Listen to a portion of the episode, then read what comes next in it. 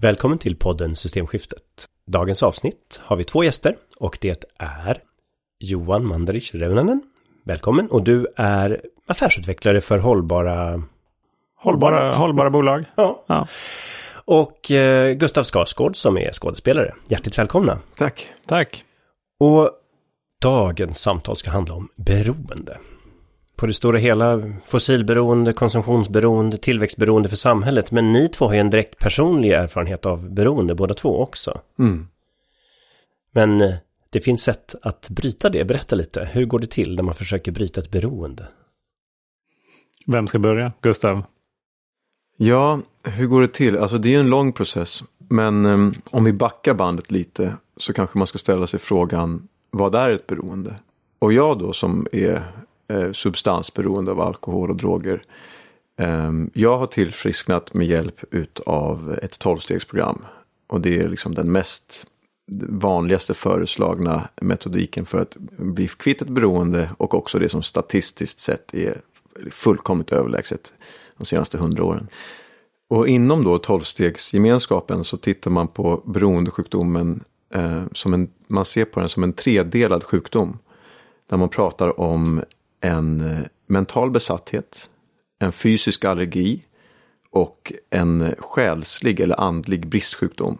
Och den här första delen då, den här mentala besattheten, den gör att den substansen vi är beroende av, eller det beteendet, blir vi besatta utav. Vi får för oss, i, till och med i överlevnadsdelen av vår hjärna, att det är det som är lösningen på vår problematik. Den fysiska allergin då, lite förenklat, men det är så man tittar på den, eh, är att när jag väl får i mig den här substansen så kan jag inte sluta. Så det är inte alls så att jag måste ha i den hela tiden. Men när jag väl får i mig en substans så kan jag inte sluta. Jag måste ha mer och mer och mer och mer utav den. Och den tredje delen då är den här andliga bristsjukdomen.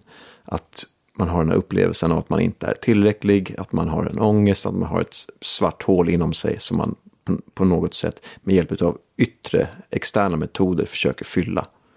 Det är så beroendesjukdomen definieras ur tolvstegsperspektivet. Och första steget då är att identifiera det här och förstå att det är det man är. Precis. Och hur gick det för dig med det Johan? Ja, men eh, bra fråga. Och, och det där är ju det där är ju det absolut svåraste. För att en del av, skulle jag också säga, den här mentala besattheten. Det är att förneka att det här skulle vara ett problem. Eftersom jag är så övertygad om att men det här är ju min lösning.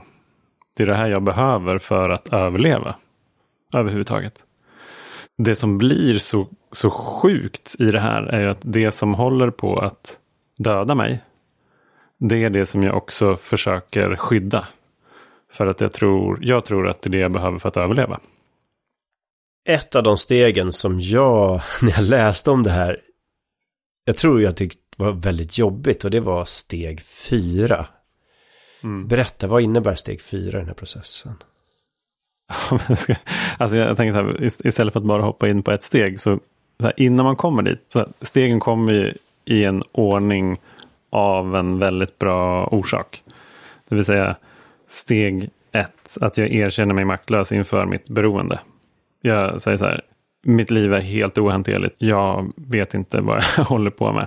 När man har gjort det, då är det sen lättare att gå till steg två, som är just det här som vi nämnde lite tidigare, så här, komma till tro att, den, att det finns någon kraft som är större än jag i alla fall, som kan hjälpa mig. Och det handlar egentligen bara, så som jag resonerar, är att så här, för mig så var alkoholen en kraft som var större än jag. Så jag behöver en positiv, en god kraft som kan hjälpa mig att liksom balansera ut det där. För att med hjälp av min egen viljestyrka så är jag chanslös. Så det är steg två. Och steg tre är att helt enkelt börja liksom vandra den vägen. Att, eh, att lämna min självcentrering och allt liksom egocentriska och faktiskt försöka känna, okej, okay, vart, är, liksom, vart är den kärleksfulla vägen här? Och då kommer man till steg fyra då. Och det här som du nämnde, Karl, att det handlar om att man gör en, en grundlig och orädd moralisk inventering av sig själv. Och det låter ju jättejobbigt. Ja, och alla negativa effekter det här beteendet har skapat och orsakat. Ja, precis. Det, alltså så här, att, att göra en grundlig inventering. Så här, okej, okay, vad är det jag har gjort under Alltså så, här, så långt tillbaka som jag behöver gå i mitt liv. Och det handlar om att få syn på vad är det som har skapat rädslor i mig. För att om jag inte får syn på det där, då är risken att jag fortsätter att ha hemligheter och saker som gör att jag kommer att vilja dricka. Det, det är det som är hela liksom, syftet. Jag, jag får syn på hur det är att vara Johan. Och se alla konsekvenserna av hur det var att vara Johan då. Ja, precis. Och jag gör ju inte det om jag inte tror att det finns en positiv kraft där ute som kan hjälpa mig med det. Eller då flyr du istället. Men eh, det, om man då tänker på att IPCC-rapporten är det här. Att beskriva, så här har vår mm. civilisation ja, orsakat alla dessa problem. Det är en, en, konsekvenslista kan man säga. Ja, och det, det, det är ju en ganska flera tusen sidor lång konsekvenslista på mm. samhällsnivå. Hur kan man få så pass mycket styrka att man orkar erkänna att det här systemet dödar mig, min familj eller i vårt fall då vår planet och våra biologiska grundförutsättningar för gott liv. Det är ju ganska jobbigt att inse att hela systemet är felriggat. Mm. Men det, det du nämner där, det är ja. steg ett. Ah, det börjar man med redan där. Det är steg ett. Det är ju att erkänna sin egen maktlöshet. Att förstå att det här beteendet är ohållbart. Mm, att det exakt. har konsekvenser. Mm. Så det är steg ett. Steg, lite... steg, steg fyra i den här kollektiva bemärkelsen skulle ju vara att förstå kopplingen mellan agerandet, systemet, eh, historiskt sett och idag. Hur det hänger samman. Mm. Vi skulle behöva titta på kolonialismen. Vi skulle behöva titta på eh, våra ekonomiska system. Vi skulle behöva titta på krigsföring. Vi skulle behöva titta på, på um, corporations. Vi skulle behöva ja, och titta det här på ojämlika, allt det. ojämlikt ekonomiskt utbyte då också. Att, att eh, Totalt. den exploatering ja. som ligger inbyggd i alla de här transaktionerna ja, ja, som men gör det, det är bara den nya formen av kolonialismen. Det är bara neokolonialism. Det är extremt medvetet programmerat det där. Mm. Så att det skulle ju vara en del av den processen såklart. Alltså beroende på vad man har för målbild. Men det är klart att det skulle ju vara den ärliga inventeringen av problemet. Mm. Och att, och att erkänna det. Att ja, så här har det varit. Ja, men precis. Vi har all fakta. Vi vet att det här är orsaken av dagens system. Ja, men alla vet ju inte det. Och framförallt så är det ju väldigt många aktörer, kanske de mest ansvariga aktörerna inom systemet som inte skulle vilja tillkänna det. Mm. Nej men vi då, alltså fakta är ju vad de är. Utan ja. då är det den här självbedrägeriet som Precis. vi kan vittna om då. Precis. Mm. För, för grejerna då, i, och där liksom steg fyra och fem hänger ihop, man gör den här inventeringen, så erkänner man det här. Okay, så, här, så här har det varit. Det här är det som har lett mig fram till den här punkten. Eller då oss som kollektiv. Anledningen till varför vi är i den här klimatkrisen är på grund av det här.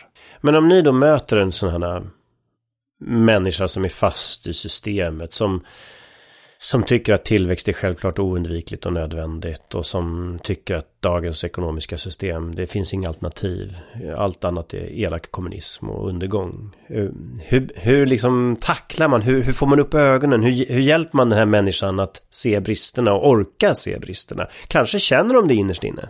Mm. Eh, men de vill inte släppa fram det. Så hur, hur, hur hjälper man dem?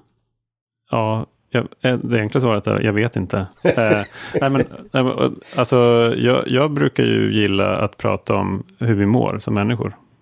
Här, att, att, inte prata om liksom, alltså, teoretiska systemgrejer. Eh, utan okej, okay, jättebra. Hur mår du? Hur mm. känns det att vara du? Mm. För att om inte systemet får dig att må bra, vad är det som är så bra med systemet?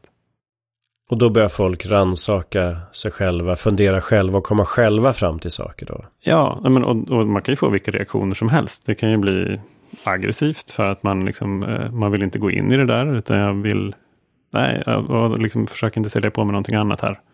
Det kan ju inte jag eller liksom Gustav ta ansvar för när vi gör de här dialogerna. Utan alltså, det, får man ju, det får man ju ta ansvar för själv, vart man liksom tar det här. Ja. Eh, men det handlar väldigt mycket om att få syn på sig själv. Och sen är det ju så här, alltså, lika lite som jag kan gå fram till någon annan och säga att du är alkoholist och narkoman. Du mm. måste sluta knarka. Det är ju en insikt som de själva måste komma fram till. Lika lite kan jag gå fram och säga att du har en felaktig eh, politisk ideologi. Det vore också högmodigt ja, av mig att, att överhuvudtaget tro det. Det är inte det det här handlar om. Att hur ska jag kunna omvända dig? Hur ska jag kunna predika det här på bästa sätt? För att du ska fatta att det är det här som är sanningen om jag gör det, då har jag också missuppfattat någonting. Men hur gör man då? Jag menar om du ser någon som du ser har ett beroende. Om du ser någon som har en syn på ekonomin som är skadlig för sig själv och planeten. Om du då inte säger det, du säger att man ska inte gå och säga ja det här är fel och lalala. Men hur, hur skulle du tackla det då? Om du ser någon som lider och Alltså ur ett, planeten. Hur, ur ett programperspektiv så skulle jag ta fortsatt och möjligtvis ökat ansvar för mitt eget beteende. Och lita på att det skulle ge attraktion nog att i, i, i längden få andra människor att ändra sitt beteende. Okej, så direkt konfrontation med det, er erfarenhet från beroendeterapi är att ah, det funkar sällan utan Mm. det är andra stöttningar som behövs. Det funkar sällan. Men med det sagt, så det här som jag pratade om tidigare, det här med att nå sin botten. Man kan ju med hjälp av information, med hjälp av utbildning, så kan man ju få folk att förstå i tid att de är på en destruktiv kollisionskurs. Och då, om då fram, här pratar vi primärt också om det kollektiva beteendet. Det handlar inte om att man ska gå runt och k- kolla ut eh, folk som, som vill ha dyra bilar eller bli miljardärer. Och det är ju någonting som man får syn på i, i steg fyra. Där finns det en del av den processen där man skriver en lista, alla människor och företeelser som man har harm emot. Och för mig blev det väldigt tydligt när jag skrev de här listorna. Då, då har jag Pelle, säger vi. Och alla de här adjektiven jag skrev av honom, ja, han är egocentrisk eller han är liksom självisk eller han är narcissistisk eller allting. Jag, jag, jag upptäckte att allt jag skrev var antingen saker som jag själv också var, som jag projicerade på honom. Eller så var det saker som jag var avundsjuk på att jag inte hade, men som han hade. Eller så var det saker som egenskaper som han hade, men som jag kanske inte har, men som jag tycker att jag är lite finare än vad han är och lite bättre än vad han är, för att jag inte har. Så att allting står i relation till mig själv. Så att när jag tränar upp min förmåga att se det här, då utvecklar jag tolerans. Så att när jag ser en annan människa, om jag, när jag börjar tänka så här, vilken egoist eller vilken kapitalist, eller, då, redan där så har jag börjat lära mig själv och att checka mig själv. Och jag vet, jag flyger flygplan.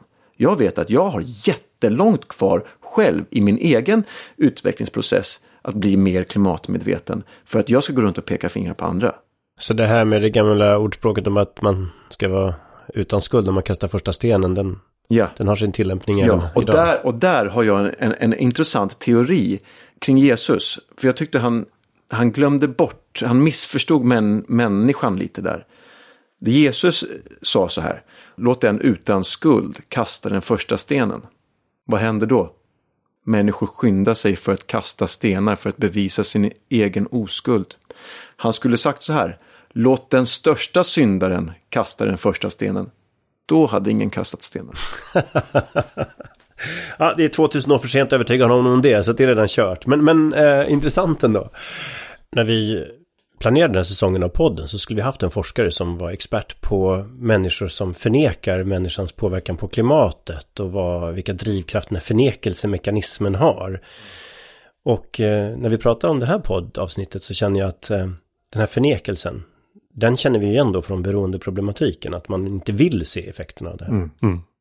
Ja, jag kan ju se lite om vi drar tillbaka då. Alltså jag och Johan, vi har ju ett projekt som vi inte vet riktigt vart det kommer landa. Eh, som vi är mitt uppe i eh, och, och försöka utforska vad det är. Men det bottnar i att både jag och Johan, som också har ett intresse av eh, klimatkrisen, oberoende av varandra hade börjat se likheter, liknelser mellan beroendesjukdomen och klimatkrisen. Och så, så möttes vi en gång i våra tolvstegssammanhang och så började vi prata om det där. Och tänkte så här, men vänta nu, om det är så att det finns sådana tydliga likheter så kanske vi också kan lära oss någonting utav lösningen. Om vi ska börja titta lite på, på likheterna då mellan beroendesjukdomen och klimatkrisen så har vi då det första den här mentala besattheten, idén om att att det här är det enda sättet jag kan agera på. Um, för att det är det här som är lösningen på mina problem. Och då kan man då tänka i relation till tillväxt. Att vi lever på ett sätt där hela det ekonomiska systemet är beroende av den här tillväxten.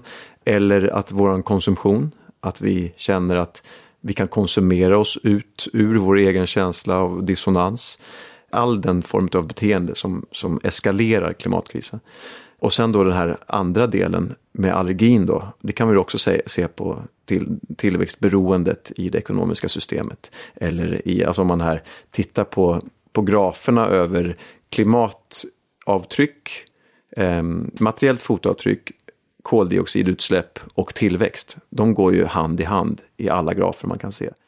Mm. Så det är ju så att sedan 1970 så har vi ju inte haft knappt någon frikoppling mellan total resursanvändning och tillväxt. Det hänger så väl ihop. Precis, mm. precis. Och, där, och, och, att vi är så beroende av den här ständiga tillväxten. Hela systemet är det. Så där kan man ju då verkligen se den här, dra parallellen till den här eh, känslan av att man inte kan sluta när man väl har börjat med en substans. Och sen den tredje delen då, den här andliga bristsjukdomen, känslan av att jag inte är tillräcklig. Att jag behöver externa lösningar på min problematik. Och tittar man på konsumtionssamhället så ser man ju att vi, det här är ju medvetet skapat i oss. Vi har ju liksom hundra år av reklamkampanjer som går ut på att säga att du är inte tillräcklig, du har inte tillräckligt. Du måste ackumulera dig ut ur din egen otillräcklighet. Och, eh, eller konsumera dig ut ur den. Och helst båda. Så där börjar man se så här, okej, okay, men det här, det, här, det här känner vi igen. Ja, i allra högsta grad och även de här äh, mekanismerna om att man tror att man måste fortsätta. Det är egentligen vägra att ändra sig. Att man är fast i det här och man hittar hela tiden på ursäkter för att inte förändra sig. Mm. Mm. Ja, men precis. För att om man tänker på hur pratar vi om omställning idag? Så tycker jag i alla fall att jag hör väldigt mycket att ja, om vi ska ställa om till ett samhälle som är annorlunda så är det en uppoffring jämfört med hur vi har det idag. Till exempel, jag får inte eh, flyga jorden runt eller jag får inte äta kött eller jag får inte köra runt i min dieselbil och så vidare. Och så vidare. Jag får inte göra alla de här grejerna. Vi pratar aldrig om det som en frigörelse. Mm. Här, tänk om det inte är en uppoffring att vara kvar i det här systemet som bygger på att jag är otillräcklig och att lösningen på min otillräcklighet ligger utanför mig själv i någonting som jag kan kommunicera i någonting eller konsumera i någonting som jag, jag kan vara någon annan bara det här händer. Och det här det är ett slags självförstärkande system som Gustav sa nyss om det här med reklam. Att man blir triggad att fastna i det här systemet. Men, ja, men om man då gör den här jämförelsen med beroendesjukdomen. Känns det befriande att ha slitit sig loss ur det där? Var, var man orolig för förändringen? Såg man det som någonting negativt att ta bort den här snuttefilten? Men sen när det väl skedde, blev det liksom en förändring som man glädjes åt? Ja. Men som man inte kunde förstå i förhand att man skulle glädjas åt? precis, ja. precis så är det. 100%. Jag kommer ihåg att jag tänkte, när jag stod där och tänkte så här, och förstod att jag hade den här beroendesjukdomen och att jag inte kommer kunna fortsätta med alkohol och droger. Då kändes det som att jag skulle behöva leva någon sorts stympad version av mitt liv. Att jag aldrig skulle kunna få vara glad, jag skulle aldrig kunna få festa, jag skulle aldrig kunna få ha kul. Jag kände att, så här, att mitt liv var över i princip. Mm. Och sen, i och med att jag blev nykter, till slut så var det så att jag tittade tillbaka på min tillvaro och kände som att det var då jag levde i en tändsticksask. Och att nu hade hela världen öppnat upp sig. Och, det här, och att ha frigjort mig från det här tvångsmässiga beteendet som jag sen förstod var ett tvångsmässigt beteende. Det är ju liksom, alltså när folk säger till, till mig idag så här, gud vad stark du är som, som, är, som är nykter. Jag hade aldrig klarat det på viljestyrka, utan jag har blivit befriad ifrån den. Mm. mm. Jag har blivit befriad från att jag måste ta till den snabba vägen ur mitt eget eh, illamående. Så... Men eh, när kommer vändpunkten? När inser man att det är en befrielse och inte en uppoffring? Eh, hur, långt, hur många steg måste man ta så att säga när man når den punkten när man inser att det här, det här gillar jag? Ja, men jag tycker eh, ett svar på den frågan tycker jag är så här, hur pass mycket förstår jag av mitt eget beteende och konsekvenserna det får? Det vill säga, liksom, hur ser mitt, kallar det uppvaknande ut? För min del så så var det där, jag, fick göra en övning under en, i, i, en terapiprocess. Och den gick ut på att jag fick svara på, eh, jag fick göra en lista. Listor, vi gillar listor eh, i, i, i tolvstegsprogrammet, det är väldigt bra. Jag fick göra en lista på här, alla fördelar och nackdelar på kort och lång sikt med att festa som jag gjorde just då. I här, hösten 2015. Då jag ju uppenbarligen mådde så pass dåligt så att jag var i en terapiprocess i alla fall för att få ordning på mitt liv. Och det är ganska smart det där, för att det finns ju alltid fördelar med det vi gör, annars hade vi inte gjort det. Men det kan ju vara självbedrägeri också i och för sig. Ja, men det finns alltid någon liten, liten fördel. Ja. Så, så till exempel, så här, okay, fördelen med att festa som jag gjorde just då på kort sikt, det var så här, det händer massa roliga saker. Jag träffar massa härliga människor, jag får en paus från den här jobbiga vardagen som jag tyckte att jag hade. Jag tog så mycket ansvar, så slapp jag ta ansvar för en kväll och så blev det många kvällar. Ja, ja. Nackdelarna på kort sikt var, ja men det går ganska mycket pengar, jag eh, har en ganska dålig relation hemma, är lite trött på jobbet och sådär. Men om jag kollar på det bara at face value på kort sikt, så är det liksom jämnt, Mm. jämnt skägg. Då hade jag kunnat fortsätta dricka. Men det är när jag sträcker ut mitt perspektiv och tänker på vad blir de långsiktiga konsekvenserna av att fortsätta göra som jag gör just nu. Vad är fördelarna med det? Vad är nackdelarna med det? Och den enda fördelen jag kunde komma på i den övningen var så här, jag får ett brett nätverk. Och så här, okej, ja, men nackdelarna var, ja, det var en lista på liksom tio grejer, men de fem översta var typ, jag kommer dö i förtid. Jag kommer att eh, bli ensam, för jag kommer inte ha några vänner kvar. Jag kommer, min eh, sambo kommer lämna mig. Jag kommer förlora mitt jobb och jag kommer inte bli pappa. Och när jag ser på mitt beteende idag, eller så här, då, och vad blir det för långsiktiga konsekvenser? Då var det helt uppenbart för mig att så här, den, den personen som gör så här är ju beroende. Det är en sjuk människa som behöver hjälp. Och det var, det, det var liksom den insikten jag Det var ett uppvaknande för mig. Och sen dess så har liksom livet varit helt annorlunda. För min del. Och det här livet som blev annorlunda. De här eh, positiva effekterna av att sluta. Var det samma som du trodde när du skrev den där listan? Eller var det andra saker som nu blev bättre än vad du trodde? Ja, men det var ju många, många fler. Alltså, när jag skrev den här listan så var jag fortfarande helt övertygad om att ett nyktert liv var ett helt värdelöst liv. Det var ungefär som Gustav sa, alltså det kommer vara det kommer vara liksom grått. Eh, det kommer vara en regnig tisdag i november för resten av livet. Men jag kanske i alla fall kommer överleva. Men det kommer vara tråkigt. Så att, så att, att, vara i, att vara i ett beroende. Det går inte att tänka sig hur det är att inte vara i ett beroende. Skulle jag säga. Och det är ju otroligt likt så som samhällsdebatten kring systemförändring är idag. Att Ja. det här systemskiftet, det är, det är skrämmande, det vill vi hålla oss borta ifrån. För vi vet inte vad det blir, men vi vet vad vi har. Och det kanske är för jävligt, men vi vet i alla fall vad vi har. Exakt. Precis. Man pratar ju i, i tolvstegssammanhang om den nödvändiga personlighetsförändringen som måste till för att du ska bli kvitt ditt eh, beroende, alltså ditt, ditt aktiva beroende. Eh, och där kan man ju verkligen dra parallellen till, till det systemskifte som måste till. Och det, man kan ju titta bara, alltså det, men här kan man ju leka lite med sådana här övningar då. Om vi tittar på, på en samhälleligt plan. Ja, men vad är de kortsiktiga vinningarna med att fortsätta göra som Ja, men vi säkrar tillväxten. Det, det svajar inte så mycket i ekonomin. Det är okej här och nu. Det är kanske de kortsiktiga vinsterna. De kortsiktiga förlusterna är så här, ja men det kanske blir lite, lite små protester här och var och så vidare. Och sen så tittar man på de, på de långsiktiga. Vad, vad är de långsiktiga konsekvenserna av att vi inte gör det nödvändiga systemskiftet nu? Men hur kommer man till den punkten? Va- vad var det som gjorde den där eh, 2015? Vad var det som fick dig att just då orka förändra? Ja, men jag skulle säga att det, det är ganska enkel formel. Det har att göra med nivån av lidande. det var så här, om, om min nivå av lidande överstiger min rädsla för förändring, då kommer jag att förändras. Problemet med klimatkrisen är ju dock att många av de som lider mest först är inte de som skapar mest problem. Nej. Så hur överkommer vi det här Och det är på... samma, och även det är, kan du dra paralleller till eh, beroendesjukdomen. Att det är andra människor omkring dig som lider också. Mm. Kanske innan du själv har fått syn på din egen misär. Kan andra människor övertyga en om att man har en beroendeproblematik och hjälpa en att ta första steget? Eller måste man komma till det själv? Alltså, man pratar ju ofta om det här med att nå sin botten. Och hur definierar man då en botten? Och det enda som man kan definiera en botten är punkten där du slutar bete dig destruktivt. Själva vändpunkten. För du kan alltid söka en djupare botten. Och det är många som springer in och ut ur tolvstegsgemenskaper i många år. För att de tänker att jag kanske har ett kattliv kvar. Det kanske finns en djupare botten att nå. Men det kan alltid, du kan alltid få värre och värre konsekvenser hela vägen fram till döden. Så att det enda som definierar din botten är din vändpunkt.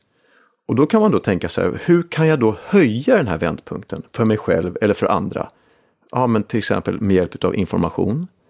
Till exempel med hjälp av att begripa i tid att man har en sjukdom. Det kommer idag in mycket, folk kommer in mycket tidigare i sitt sjukdomsförlopp än vad de gjorde för 100 år sedan eller 90 år sedan in till, till det som då var AA i, i dess linda. Eh, för då hade folk gått så mycket längre. Nu, nu finns det en större kunskap omkring beroendesjukdomen och man kanske kan identifiera den tidigare. Man kanske har sett föräldrar. Min mamma höll på att kröka ihjäl sig. Hon blev nykter. Så hon gick före mig. Och hon, jag gick på hennes kurs och förstod att jag hade beroendesjukdomen långt innan jag kanske hade gjort det annars. Så då kan man ju då här, ta lärdom av varandra. Så det handlar ju då om att förstå den oundvikliga katastrofen som är konsekvensen av ditt nuvarande beteende. Och det är det man kan hoppas på en kollektiv nivå, att vi kan begripa det i tid. Och det ser inte ut som att vi gör det. Så att då kommer man tillbaka till den här ekvationen då, att det är det personliga lidandet som ska leda till förändringen. Så kan det mycket väl bli. Att det kanske först är när västvärlden har lidit så mycket själv, de som bär högst skuld i frågan, som förändringen kommer. Men jag vill tro att om man begriper kausaliteten tillräckligt tidigt, tillräckligt djup, så kan man ändra kurs i tid. Mm. Ja, men för om man också gör en jämförelse med hundra år sedan, då levde väldigt många i arbetarklassen väldigt hårda liv. Mm. Och att supa sig ut ur det här hårda livet, då, då, då, då, skulle det här supandet ge ganska mycket skador när man tyckte att det var i alla fall värre än det liv jag har, så att säga, det mm. tuffa liv jag hade. Om vi då försöker hitta en analogi med västvärlden här då, hur ska vi få västvärlden att inse att vårt liv som vi lever idag skapar så mycket tuffa villkor för både oss själva framöver men även för andra redan idag? Jag kan tycka liksom en, en facett på den här frågan är hur bra funkar det då?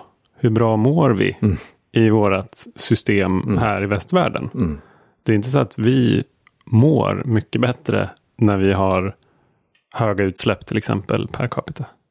Alltså det finns ju en koppling mellan inkomstökning och välmående. Men den stannar ju väldigt långt innan, eller den avtar i alla fall, väldigt långt innan vi når de nivåer vi har idag. Sen finns det en negativ ko eh, korrelation. Ja, just det. Det finns, um, ja, det finns lite olika undersökningar, men 47 000 har jag sett att om man har högre månadslön än så, då, då kan det till och med inte bara vara platt utan till och med bli svagt negativt om man fortsätter att satsa på att tjäna pengar snarare än att leva livet. Men om man tittar på samhällsnivå då så har vi väldigt stora utsläpp och väldigt mycket konsumtion som är oerhört mycket högre när jag föddes för drygt mm. 50 år sedan. Men om man tittar på lyckonivåerna så har ju de knappt stigit alls. Mm. Utan de har precis. legat ganska still. Så det har ju skett en rätt stor frikoppling åtminstone på våra inkomstnivåer vi har i Sverige. Hur kan man se om man jämför det då med beroendeproblematik, att man fortsätter med det här beteendet hela tiden fast det inte ger någon glädje eller mening. Hur, hur kan man slita sig loss från det här traditionella, bara fortsätta i samma spår för så har vi alltid gjort? Vad, vad, vad kan man hitta för mekanismer då, om man tittar på samhällsnivå då? Ja, men jag tror, alltså en, en grej som är väldigt, väldigt viktig i tolvstegsgemenskaper, det är identifikation med andra som har gått före, som faktiskt har gjort sitt eget systemskifte. Det vill säga, jag hittar personer i min omgivning som jag kan relatera till och jag ser att wow, de har faktiskt ställt om sina liv. De har varit där jag har varit och de lever ett, ett helt annat liv idag som verkar vara fyllt av lycka och liksom eh, välmående och sinnesro. Wow, det där vill jag ha. En del av lösningen i alla fall tror jag att det är alltså fler som visar att det går att ställa om sina liv. För att annars så är det inte så många som tror att det går. Och är inte så att tolfte steget i det här programmet är just att sprida det goda ordet när man väl själv har, har Precis. blivit botad? Eller? Och det är ju så, det är ju hela vår ingång i det här projektet som vi har. Eh, som ju det här är en dynamisk del utav. Det är ju ett, ett form av att utöva ett tolfte steg. Att föra det vidare. Men om man tittar då på lösningen i ur tolvstegsperspektivet. Så är det ju det här, det centreras väldigt mycket kring det här andliga bristsjukdomen att det någonstans är en fråga om att hitta andra sätt att tillfredsställa det här inre svarta hålet. Att andra sätt att, att komma till tillfredsställelse och lycka och en känsla av mening och syfte och samhörighet, connectedness. att man inte är separerad och isolerad från sina medmänniskor. Allt det här är liksom, det är det som är lösningen på problemet. Och det är det som också är frigörelsen. För att om jag inte längre har ett behov av de här externa flykterna, eller externa lösningarna på mina interna problem, då börjar jag ju bli frigjord. Och, och att det är så här, hur kan vi titta på det? Hur kan vi titta på, för att i ett kapitalistiskt system så är det väldigt svårt att få fart på saker som inte genererar profit. Eftersom hela systemet är riggat för att det ska eh, generera profit. Så hur kan vi saluföra någonting som leder till tillfredsställelse, gemenskap och lycka, men som ingen ska tjäna pengar på? Utan tvärtom, poängen är att folk inte ska tjäna pengar på det. Man får något annat än pengar. Man får någonting annat och någonstans kommer man kanske, kommer man kanske ner till det som pengar och konsumtion utger sig för att ge dig, mm. men kanske inte gör.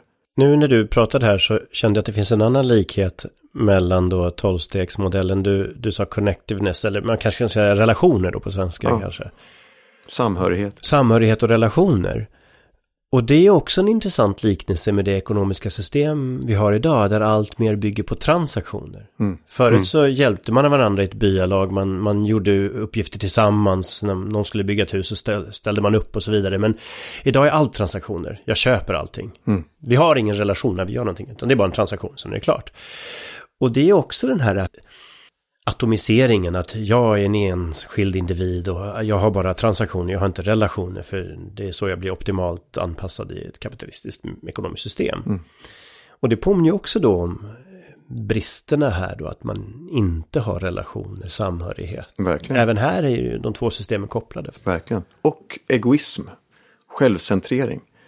Är det en av grundparametrarna i... Ja, i beroendesjukdomen. Att mm. den är liksom egocentrering var grunden till våra problem, står det liksom i en del litteratur. Det är ju den här frånkopplingen, att man är isolerad och man agerar själviskt och egoistiskt för egen vinnings skull. Och det är, ju, det är ju kvaliteter som idag hyllas i vårt samhälle. Som premieras. Ju mer kallsint och egoistisk du kan vara, desto bättre går det för dig i det här systemet. Eller systemet premierar det, men människor Precis. kanske inte alltid är så stolta över det. Men, men det är ändå de som tar sig fram, om man säger så. Människor är ju väldigt stolta över det. Titta på Instagram. Ja, precis. Du kan ju få hög status i det systemet i alla fall. Men, ja. ja. precis. Jag, jag, tänker på en sak. Alltså vi pratar ju om tolvstegsprogrammet och de här tolv stegen, det är ju en, en individuell utvecklingsprocess kan man säga. Liksom, I det att här, jag, får, jag får syn på mig själv och jag lär mig att ta hjälp av andra jag eh, lär mig att jag kan, jag kan faktiskt sluta eh, kontrollera allt i mitt liv och, och, lämna över till någonting som är en, någon högre kraft. I mitt fall så är det kärlek till exempel. Ja, för ursprunget till tolvstegsprincipen var ju på kristen grund på den tiden, men det har ju utvecklats nu till att man kan ju tillämpa det oavsett om man har tro eller inte och så vidare. Ja, precis. Det är många agnostiker och ateister i tolvstegsprogrammet. Det har ingenting med religion att göra. Men det har med att inse att man inte är själv ensam stark nog utan man ja, behöver och det har större. med andlighet att göra. Ja, precis. Och det är väldigt uttalat. Sen så vad den är för dig, det är en personlig fråga. Som det står ju, det pratas ju om Gud och en högre makt och så vidare. Och det är såklart någonting som jag menar, jag som tredje generationens fundamentalistisk ateist liksom ryggade för såklart jag hörde det där. Så det var ju, där fick jag ju verkligen testa min egen öppenhet och tolerans i början. Men det viktiga är att det är en andlig lösning på ett andligt problem. Det är det. Och sen så uppmuntras man att själv undersöka vad det, vad det innebär för dig. Men du uppmuntras ju att meditera. Du uppmuntras att söka andliga lösningar och svar på dina problem. Och andlighet, vi hade ett avsnitt här den här säsongen också när vi pratade med en eh, estetikprofessor och en konstnär. Och de kallar det för sinnlighet, att underskattade känslor, underskattade beteenden i vår civilisation idag. Andlighet, sinnlighet, det här som inte kan mätas i pengar, som kanske inte kan ske i form av en transaktion eller Precis. köpbeteende. Det nedvärderas idag. Men eran erfarenhet då från eran frigörelseprocess från det här beroendet, det är att det är någonting som verkligen ger mycket livskvalitet och glädje om man orkar lyfta det. Totalt. Ja, ja, det är det som gör hela, hela skillnaden. Och det är, det, det är egentligen det, skulle jag säga, som är det det personliga systemskiftet. Mm. Och man kan säga att det, det systemet som en beroende är i, hur, vad karaktäriseras det av? Jo, men det karaktäriseras av rädsla, egoism, isolering, brist, kontroll, separation. Medan det... jag, jag började fundera, pratar han om drogberoende eller kapitalism nu? Men, men vi pratar Ja, alltså det är om... både och. Det är verkligen likheter här säger man. exakt. Och, och hur ser då det här andra systemet ut om vi skiftar från ett system till ett annat? Vad, vad är det det karaktäriseras av? Om det karaktäriseras av kärlek, gemenskap, av tillit, av tro, av Mod. andlighet, sinnesro, mod. Och, här. och om jag fick välja, för jag har ett val, vilket väljer jag? Mm. Och vad är, vad är det jag behöver göra? Vad är det jag behöver få syn på? Hur är det jag behöver agera annorlunda för att ta mig från det ena systemet till det andra? Om man tittar på samhällsnivå, då jag brukar ofta prata om att jag vill hellre ha samarbetskraft än bara konkurrenskraft som idag hyllas jämt. Exakt. Men hur får vi det här att ske? Om man, vi är ju allihopa i ett system som premierar då det här tillväxtberoendet, konsumtionsberoendet. Hur hjälper vi varandra att bryta oss loss? Vad finns det för metoder ni har lärt er som man kan använda för det? Alltså jag kan ju personligen säga att så här, genom min tillfrisknande process så har jag ju märkt att jag plötsligt inte är så intresserad av att varken ackumulera eller, eller konsumera längre. Det är någonting som börjar falla av mer och mer på mig. För jag har liksom, jag köper inte att det där kommer ge, jag tror inte längre på det. Jag tror inte längre på att det kommer ge mig någon förhöjd livskvalitet. Så att jag har liksom, det, det, det som, och det är ingenting som jag har försökt, det är klart att det också går i linje med min ideologiska uppfattning. Men, men jag har märkt att det blir lättare och lättare att inte tycka de sakerna är viktiga som jag inte, faktiskt inte tycker är viktiga. Och, Nej, precis, för det, upp till en viss nivå finns det ju en tydlig koppling mellan att ha råd att ha mat och lite kläder på kroppen och sådär. Men man behöver ju ja. inte köpa de dyraste och nyaste, man kan lika gärna köpa second hand och så vidare. Ja, precis. Men det, det kan ju snarare vara ett, eh, ett mått på liksom självförsörjande. Mm. Liksom, okej, har, jag, har jag förmåga att ta, ta hand om mig själv? Ja, okej. Men efter den nivån, vad gör jag då?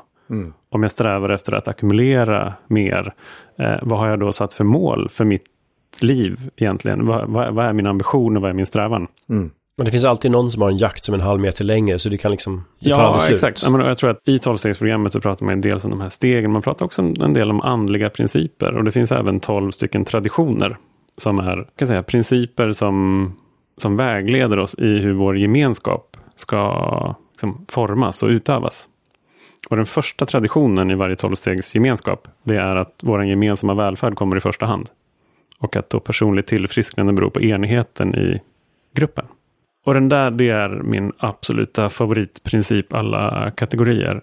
Eh, som jag applicerar på min egen familj. Så här, vad händer då? När vi sätter så här, vår gemensamma välfärd i familjen kommer i första hand. Det vill säga, jag kan inte bara sticka iväg och vara egoistisk och låta min karriär gå före min fru eller min, eh, min dotter så att de lider. För att då påverkas vår gemensamma välfärd så negativt så att även jag påverkas negativt. Det vill säga, jag kommer bli ensam om jag håller på sådär. Så att, hur kan vi väga in vår gemensamma välfärd i mer av våra individuella och kollektiva beslut? Mm. Applicerat på familjen, relativt enkelt. Men vad händer om vi gör det på en samhällsnivå? Hur kan vi säkerställa vår gemensamma välfärd i våran eh, kommun, i Sverige, i Norden, i, i Som art på planeten. art, precis. och artens överlevnad på planeten. Och alla andra arters överlevnad. Alltså Ja. det är det. Precis. vår Men gemensamma välfärd. Jag, jag ser hela tiden när vi pratar här om, om nya likheter mellan det system som då tvingar oss in i dåliga beteenden. Till exempel det här med valsystemet inom skola, vård och omsorg och allt det där. Då, Mm. Det bygger ju på att jag ska välja rätt skola för mina barn. Sen skiter jag i hur det går för resten. Bara Ja, jag exakt. får välja liksom. Och då, och då kan man ju skära ner på vård, skola och omsorg. För det blir alltid, man individualiserar ansvaret för att Mm. ha hamnat i en dålig skola eller fått dålig vård. Det är ditt fel, du valde fel. Ja. Och då kan politikerna aldrig lastas för att de hela tiden skär ner och skär ner och skär ner. För de kan alltid flytta ansvaret till dig. Att den här, och då premierar man egoism och konkurrens och ingen ser att, ja men ärligt talat, vi kanske skulle ha en välfärd som räcker åt alla. Mm. Men den tanken kommer inte för då blir det full jakt på att jag ska klara mig i det här systemet. Jag ska konkurrera ut de andra. Jag ska vinna. Jag ska Det- vara egoist. det är Så det är egoismen som premieras. Ja, det är brist. Och då blir vi rädda att bli utan. Hur åtgärdar man det tycker ni? Hur undviker man de här, om du pratade om brist. eh, Mm. Jag antar så att som beroende är man väl allra mest rädd för bristen på den drog man är beroende av möjligtvis. Men, men vad är det liksom, hur kommer man loss från det här? Ja, som i sin tur är ett symptom på en brist på just de här andra sakerna. Brist på andlig kraft, brist på samhörighet, eh, brist på kärlek, brist på trygghet. Så att det är ju, det är ju de behoven som man måste lära sig att tillgodose. Men är det inte konstigt att vi måste lära oss det? För om man, om man tittar på lyckoforskningen igen då, Fast så- det är ju inte konstigt. Ja men alltså, För vi är ju programmerade att inte vara lyckliga. Vi är Ja, men- programmerade att känna oss otillräckliga. men inom oss, alltså om man frågar människor runt om hela jorden, Mm. vad är viktigast för dig? Då är det ju alltid samma svar. Eh, relationer, trygghet, Mm. en mening, samhörighet. Det kommer ju alltid högst upp. Men sen organiserar hela vår ekonomi, vårt samhälle efter att bryta ner de Precis. viljorna. Och sen så då återigen för att koppla till kapitalismen och beroendesjukdomen. Att de här sakerna då som alltid kommer högst upp och det vi tror vi värderar högst. Våra barn, våra nära, våra kära. Våra, det är alltid de som ryker först till förmån för vårt behov av att antingen tjäna pengar eller ta våran drog. Och den är en, det är en smärtsam ironi. Ja, precis. Och Vi går ju ofta, tycker jag, över ån efter vatten. Det vill säga, jag ska tjäna så mycket pengar som möjligt så jag har alltid att vara med min familj. Mm. Eller jag vill skapa en trygghet för min familj och då måste vi ackumulera en massa grejer. Alltså jag är ju väldigt tacksam att redan när jag var ganska ung så fattade jag att min ursprungliga plan för mitt liv var att jag skulle bli så rik att jag skulle ha råd att köpa upp alla jordens oljebolag och lägga ner dem. Jag inser att i den processen, jag hade liksom aldrig... Vem hade du blivit i den processen? Eh, det var ju Ja, det jag exakt. kom fram till i tid. Så att jag, jag följde aldrig den planen. Men, men, men det är lite grann det som du beskriver det här. Att ja, men bara jag gör det här en gång till, bara jag tar nästa glas, bara jag gör nästa krona, då, då, Ja, då kommer det bli bättre sen. Precis. Då är jag klar, då har jag fått Då nog. är jag klar. Ja. Men vi får aldrig nog. Jag skulle vilja lyfta en annan grej också som står i, i tolvstegslitteraturen. Som det finns två aspekter till. Där står det så här att vi är inga helgon. Vi eftersträvar inte perfektion. Utan vi eftersträvar andlig tillväxt. Och där finns det två aspekter som jag vill lyfta i relation till klimatrörelsen. Dels det här att vi är så snabba på att skjuta ner varandra nu som hycklare och så vidare. Så att, att det är nästan lättare och eh, tryggare att inte försöka göra någonting alls än att försöka göra lite grann. För att om, om Greta liksom inte åker segelbåt över Atlanten, om hon skulle ta ett flygplan, då är hon förkastlig eller en hycklare plötsligt. Oavsett vad hon gör. Eh, Så att, vi, att den här idén att vi måste vara perfekta innan vi kan börja försöka göra rätt är livsfarlig. Istället för att uppmuntra varandra att vi blir inte perfekta, vi är inte perfekta, vi kan inte agera perfekt i ett felat system. Men vi kan hjälpas åt att försöka bli bättre utan att diskvalificera varandra. Det tror jag är jätteviktigt. Så den, det är en aspekt av det. Den andra aspekten är det här med andlig tillväxt. För att om det då finns någon kraft i universum, säger vi, som vill ha tillväxt, som vill växa, så är ju inte den biologisk, för inom biologiska system så om du har en, en oändlig tillväxt så, blir, så, så Men det kollapsar det till slut. Så, ja, det är cancer, det är bara cancer. Exakt. Men däremot, så om man då kan prata om andlig tillväxt, den har inget materiellt fotavtryck. Den har inte inga koldioxidutsläpp Kanske snarare sig, negativt, ju Utan snarare ja, tvär, ja. tvärtom. Det är vad jag vill tro. Att den snarare har en negativ inverkan. För att vi kommer sluta behöva göra, vi kommer lägga ner så mycket substitutsbeteenden i processen. Så att den andliga tillväxten, det vill säga att titta på vad är vi? Men jag är något sorts medvetande i kosmos. Och min resa är på något sätt relevant. Min upplevelse är relevant. Din upplevelse är relevant. Vi är medvetanden i kosmos och vi kan connecta med varandra, vi kan utvecklas, vi kan lära oss saker, vi kan följa det vi tycker är intressant och maximera och förfina våran upplevelse av det här universumet. Allt det här är gratis. Det lämnar inget avtryck och det kan liksom, kanske är det så att vi har ett behov av en andlig tillväxt. Men vi har, den har också, också blivit kapad och hamnat någon annanstans. Men om man nu lever i det här systemet där andlig tillväxt inte premieras utan andra saker gör det. Mm. Vad kan man eh, använda för taktiker som ni har sett? Dels som individ, att liksom orka ta sig loss, men också på en samhällsnivå. Vad, vad, finns det för, vad skulle samhället kunna göra för att samhället ska växa andligt då snarare om man säger så? Ja, så man kan väl gå tillbaka till hela så här folkskolerörelsen. Det här är inte mitt expertisområde, men, men, men hela idén om att man, att man bildar samhället. Att vi har kunskap. Att vi, att vi utvecklar vår förståelse, vår kunskap, vår syn på världen, vår syn på varandra.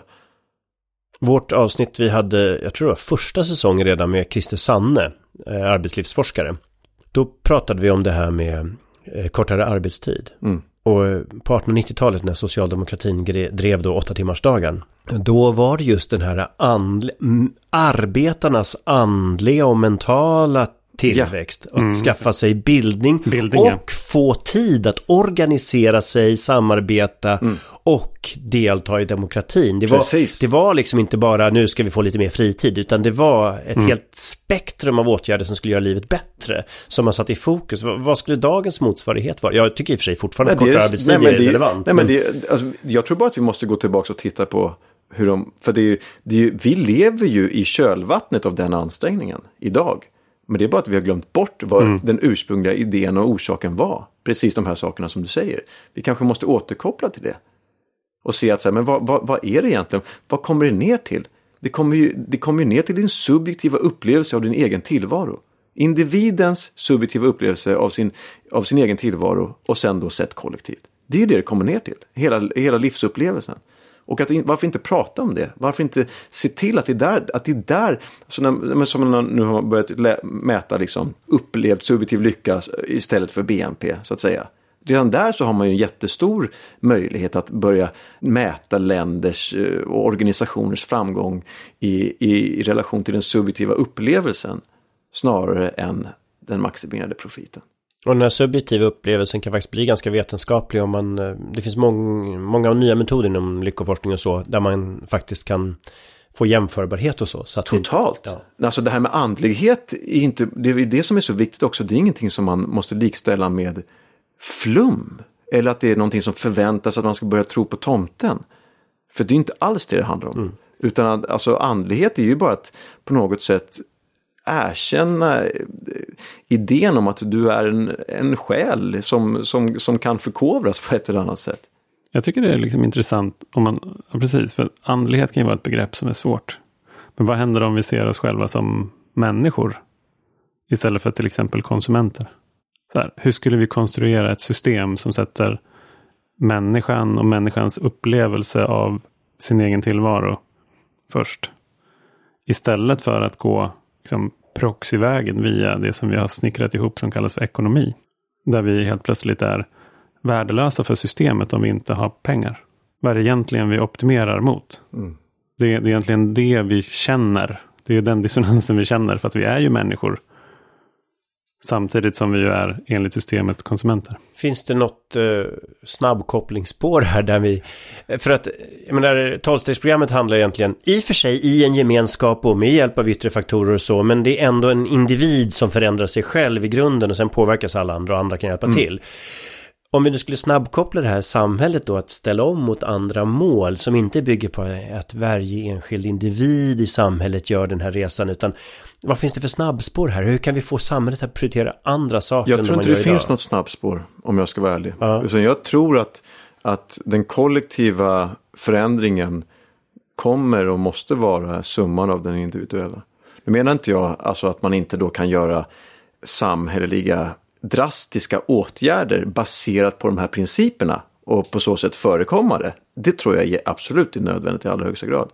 Men, men jag tror för att den verkliga förändringen ska komma så tror jag att fler och fler människor måste komma till en punkt när de känner så här. Jag slipper. Jag slipper det där. Jag slipper konsumera det där. Jag slipper leva så här. Jag slipper. Fan vad skönt, jag slipper. Jag måste inte ha den nyaste frissan och nyaste bilen. Jag måste inte det. Jag måste inte agera på det här sättet. Jag slipper det. Mm. Ju fler människor som kommer till en punkt där de börjar känna en lättnad över att slippa leva på det här sättet som vi uppenbarligen inte mår bra av och som dessutom riskerar att utplåna oss som art tillsammans med väldigt många andra på den här planeten. Ju fler människor som individuellt kommer till en punkt eller gör en förändring där de själva känner att de börjar slippa det, då tror jag att det kan bli en stor Alltså gå från uppoffringstanken till befrielsetanken. Ja, ja exakt. Och, och det där är ju, jag menar, hela processen i det där individuella systemskiftet har ju gått från att jag får inte dricka. Det är så synd om mig, nu får jag inte dricka något mer. Till, ja, jag kan inte dricka. Okej, okay, men då ska jag nog inte göra det. Det är liksom rationellt. Till att jag behöver inte dricka. Mm. Och hur händer det där? Jag vet till inte. jag slipper. Ja, till, ja precis. Jag, jag slipper. Men jag har ett exempel då. Gud vad skönt. Sverige planerar för 27% ökat vägtrafikarbete till 2040. Och en liten anekdot då. Om man tänker så 350 år fram i tiden ska alla svenskar köra bil 24-7 om 350 år. Om man liksom fortsätter låta trafiken växa så mycket. Så det, det fattar ju alla att om 350 år att bara sitta i bilen, köra dygnet runt och aldrig sova. Det verkar ju inte så himla bra liv. Men hur stoppar man det här 27 procenten? För det är ju det är samma sak här. Man tänker så här, jag måste ha bilen. Ja, varför måste du ha bilen? Ja, men jag måste kunna ta mig till vårdcentralen. Ja, men varför tycker du det är självklart att vårdcentralen ska vara 20 mil bort då? Alltså det, det här att slippa åka till vårdcentralen långt bort, utan varför finns inte den nära eller en mobil eller någonting annat? Det här att mm. Vad finns det för samhällsidéer kring det som ni har tänkt att hur kan man få den här slippa tanken på saker som vi idag tar för självklara i vårt samhälle men som skulle kunna gå från uppoffring till slippa så att säga. Ja men där har du ett bra exempel. Ja, jag hoppas på fler från ja, vad finns det mer? Nej, tänker alltså, alltså, men den är tydlig i relation till konsumtion och ackumulering tycker jag. Att slippa städa förrådet? Att, nej men att slippa, att slippa ha, ha mer saker än vad man behöver. Och att slippa, ha, att slippa tjäna mer pengar än vad man behöver. Den, den tycker jag är den tydligaste.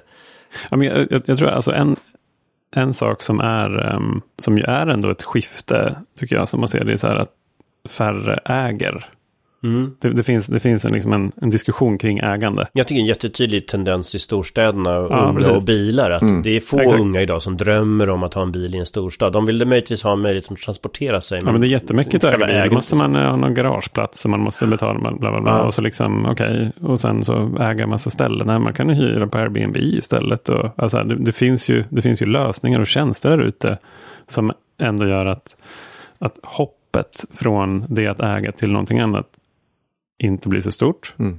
och blir positivt.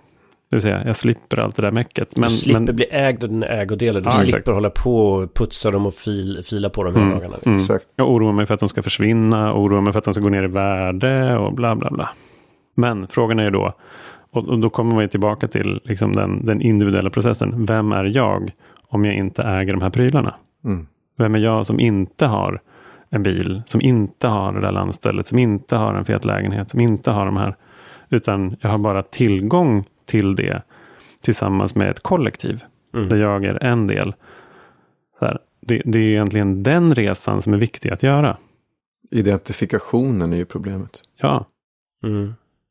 Vi och, identifierar oss som den som har det där. Eller som... Men eh, där kan man väl också se en likhet med tolvstegsprocessen, identifikation med drogen på något sätt. Att... Absolut, alltså det där för min del, men vem är jag om jag inte får ordna massa fester och liksom vara den som liksom slår på djungeltrumman varje torsdag, fredag, lördag. Och så, alltså verkligen, vem är jag om jag inte får vara den Johan? Mm. Och det var ju verkligen, verkligen tomt. Jag hade ingen idé om vem den Johan skulle vara. Mm. Så att det är egentligen ur desperation som det där fönstret för förändring öppnas.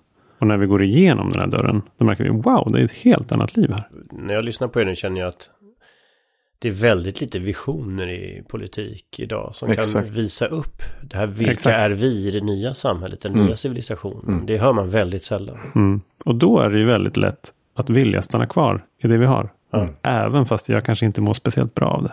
Jag kanske inte, alltså så här, jag kanske inte tänker på hur stressad jag är över att jag ska få ekonomin att gå ihop eller liksom allt det där. Men jag har ingen annan bild av hur det skulle kunna vara. Jag känner ingen annan som lever på något annat sätt. Alla jag känner lever precis på det här sättet, så varför skulle jag kunna hitta någon annan väg? Det jag är precis på samma sätt som när jag var aktiv. Jag kände ju ingen som var nykter. Det är Men- därför det är så viktigt för så, oss. Så även det goda exemplet makt, ett land som går före, en stad som går före, människor som går före kan också trigga den här förändringen. Absolut. Verkligen. Det är det som är intressant och lite paradoxala med tolvstegsmetoden är att, att den gör ju inte reklam för sig själv. Och den har, det är ingen vinstdrivande verksamhet. Och en viktig princip där är attraktion före promotion. Promotion, heter det så? Ja. Alltså att det, det ska ju vara att jag ser att någon annan människa, i mitt fall var det min mamma, att jag såg att min mamma som höll på att kröka ihjäl sig plötsligt mådde bra. Efter att jag hade gett upp på henne tusen gånger och ändå aldrig riktigt gett upp. Så såg jag att vad, är, det- vad har hänt? Det här är ju ingenting annat än ett mirakel. Att hon kan gå runt och ha ett klipp i blicken och, och lysa. Det är ett mirakel. Och det fick ju mig att förstå att så här, men jag kanske inte heller måste må så här dåligt. Om Och, så, klim- och så får man då ringa, ringa på vattnet. Svårigheten där för oss då blir att i klimatfrågan blir det inte lika tydligt att man ser den positiva effekten. Kanske man får den här livsstilsförändringen som är positiv. Mm. Ja, eller på en nationellt plan, om ett land verkligen skulle våga ställa om och eh, liksom slopa tillväxtkravet och börja försöka operera på ett annat sätt som jag inte känner till än. Och så kanske folk skulle uppleva en enorm ökad, eh, ett enormt ökat välmående där. Då kanske andra länder också skulle vilja utvecklas i den riktningen. Ja, och alldeles särskilt framtida generationer skulle få större chans att ha välmående också. Precis. Men Det räknar vi sällan in. Det är ju det, den kortsiktiga. Barnen är första offret som du sa tidigare i podden. Mm. Ja, jag tycker det var ett, ett intressant och tankeväckande samtal där man ser de här kopplingarna som man har haft på känn men inte kunnat peka på många gånger. Vad är nästa steg? Ni har ju det här vad ni kallar för ett litet projekt på gång. Vad, vad hoppas ni att det kan leda till och hoppas komma ut av det tror ni? Jag vet inte. Nu är det lite så här att vi, vi bjuds in på vissa sam, i vissa sammanhang som, på det här viset. Då vi pratar om det här. Och eh, gensvaret är väldigt starkt. Folk tycker verkligen att det är intressant, det här perspektivet. Eh, sen vad som konkret kommer ut ur det, det vet vi inte. Vi har pratat om om vi kanske går att ha ett tolvstegsmöte för klimatberoende. Kanske det gör. Och så vidare. Eller om det finns andra forum. Finns det utrymme att utveckla det här vidare i en egen podd? Eller någonting. Vi vet inte än. Eh, men, men vi fortsätter. Nej, precis. Man, kan väl säga liksom själva huvudsyftet är ju att göra, eh, apropå steg, då, ett steg 12 och det för föra budskapet vidare. Och det handlar ju om att föra budskapet om alltså nykterhet och frigörelse vidare. Det är egentligen det är hela, hela syftet med, med vårt projekt. Och sen så kan det ta lite olika former. Och inte då med det sagt nykterhet att folk ska sluta dricka alkohol Nej, eller det ta droger. så, göra om För ni det, det är inte alls det som så jag förespråkar. Ja, eh, fast eh, det jag tar med mig från vårt samtal idag är lite grann det här med glädjen över att orka förändras. Att se att det kan bli något bra av det som inte alltid är så lätt att förutse. Och, och där känner jag verkligen kopplingen till klimatfrågan. Man är så rädd för alla de förändringar vi ska göra. Men tänk om vi missar ett helt fantastiskt tillfälle att Ja. få bättre liv. Exakt. Och också det här att våga påbörja en förändring innan vi vet vart den ska leda. För det är också det nu att så här, i systemskiftet, det, att, att vi ska redan nu kunna presentera ett fullständigt fullskaligt alternativ till det vi har idag. Det kanske vi inte kan. Så hur kan vi påbörja förändringen redan nu mot någonting som för oss ännu är okänt? Och det där Och känner ha jag igen. modet. Det där känner jag från mitt eget arbete med systemförändring. Att man avkrävs att, ja men vad är alternativet då? Folk vill ha ett färdigt svar. Varför vill folk ha färdiga svar? Ska vi inte utveckla det här tillsammans? För att våga hoppa från den tuvan de krampaktigt håller fast i. Ja, men du, då får du ju själva tillsammans bygga upp nästa steg, nästa tuva. För att det här att någon ska peka ut allting i förväg, att det ska finnas ett färdigt utopia, det, det blir ju alltid en motreaktion mot vad som är dåligt idag. Exakt. Mm, exakt. Och det blir sällan helt rätt. Exakt. Det måste kunna vara en, en dynamisk process som vi ännu inte kan förutse. Nej, precis. Det handlar nog mer om att staka ut en riktning tror jag. Och, sen Precis. så, och, att, och att glädjas över att vi, vi blir inte klara helt. Mm. Det kommer alltid finnas någonting att fortsätta utveckla. Det är inte så att, vi, att man gör eh, 12 steg och sen är man klar. Om, om jag tror det, då är jag väldigt, väldigt nära att ta ett återfall. Ja, ja men, men, men vi kanske kan enas om att ni tar det första steget och så ser vi vart det bär nu med det här projektet. Ja. Ja, Nej, men sen, sen också det här med att våga börja agera utefter principer man tror på. Andliga principer då ur tolvstegsperspektivet. Att våga börja agera utefter, utefter vissa idealer, vissa principer och lämna resultatet därhen. Mm. Och, ja men det är väl väldigt klokt. Min, min pappa sa alltid att man, man ska göra det man tror är rätt och det man tror på. För även om det blir dåligt och, och det skiter sig så, så känner man ändå att jag trodde att det här var rätt. Man Exakt. har inget att skämmas för. Precis. Mm. Och det är ju viktigt. Och så att om, om vi kan få fler och själva också börja agera på ett sätt som vi tror är riktigt. Efter bästa förmåga. Vi kommer inte alltid lyckas. Men vi försöker och så försöker vi igen och så hjälps vi åt med det. Då tror jag resultatet kommer bli det bästa. Än om vi siktar på ett konkret specifikt resultat som vi inte kan förutse just nu. Det är kanske är det som ofta hämmar. Vi har sådana överdrivna krav på att alltid ha ett målresultat färdigt innan vi ens gör något. Ja, mm, exakt. Som också är symptomatiskt för det här systemet. Och, ja, hur, och hur går det för oss tycker vi? Ah, de där jäkla målen når vi ju ändå aldrig. Nej, och, och, nej, och det värsta som kan hända är att vi når dem och fortfarande inte är tillräckliga. Och fortfarande inte mår bra och fortfarande inte är tillfredsställda. Nej, det är väl kanske till och med det vanligaste. Hur många går hem med samma lyckokänsla när shoppingkassen väl är hemburen? Ja, liksom? mm. Jag tycker en, en sak innan vi avrundar helt här är alltså en viktig aspekt i, i den här utvecklingsprocessen som de här tolv stegen är, det är förlåtelse. Och jag, tror, jag tycker att det är ett sånt oerhört viktigt perspektiv för att göra det där systemskiftet. Och det handlar om en förlåtelse till mig själv. Att jag trodde på illusionen i det där gamla systemet. Mm. Att jag trodde på alla de där rädslorna och tvivlen och kontrollen och allt möjligt. Det är det som kan frigöra mig för att gå till någonting annat. Och det tycker jag var en perfekt avslutning. Ni ska stort tack för att ni var med. Och det var väldigt kul att ha samtalet med er. Tack. Tack så jättemycket. Tack för att ni lyssnade på dagens program som gjordes av Greenpeace. Där producent är Christian Åslund, Johanna Larsson, Ludvig Tillman och jag, Carl Schlüter.